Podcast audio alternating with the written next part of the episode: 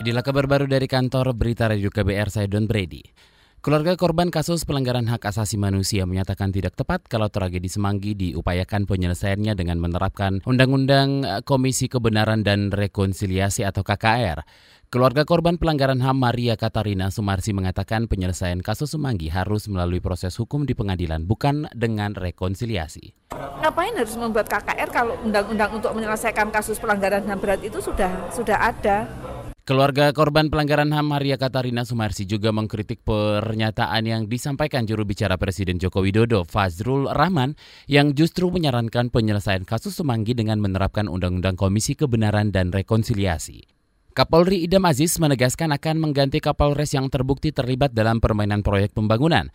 Menurut Idam, kalau Kapolres terlibat permainan proyek, dampaknya bisa mengganggu upaya pemerintah melakukan pembangunan yang merata. Bapak-bapak harus menggandeng para Kapolres dan saya juga minta para Kapolres tidak merupakan bagian dari permasalahan yang ada di daerah. Karena juga bukan rahasia umum, banyak juga Kapolres itu kalau dia minta proyek, ah ini bagian masalah dia, berarti dia konspirasi.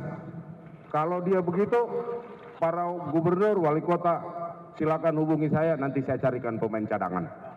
Kapolri Idam Aziz menambahkan Polri bertanggung jawab mengamankan seluruh proyek yang sedang dilaksanakan pemerintah termasuk pembangunan infrastruktur.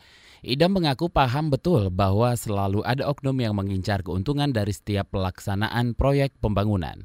Pasca ledakan bom bunuh diri di Polrestabes Medan, Sumatera Utara kemarin, aparat Polresta Cirebon, Jawa Barat melakukan pengetatan penjagaan.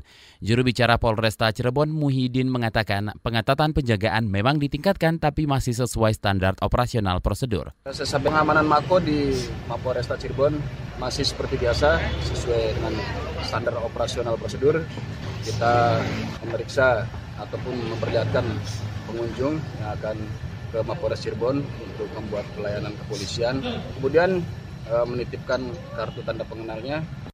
Juru bicara Polresta Cirebon Muhyiddin menambahkan masyarakat yang membutuhkan pelayanan di Polresta Cirebon eh, tak perlu sungkan apalagi khawatir karena wilayah Cirebon dipastikan masih dalam kondisi aman dan kondusif. Muhyiddin mengklaim tak ada perubahan jadwal maupun jumlah personel yang berjaga di Polresta Cirebon. Demikian kabar baru dari kantor Berita Radio KBR. Saya Don Brady.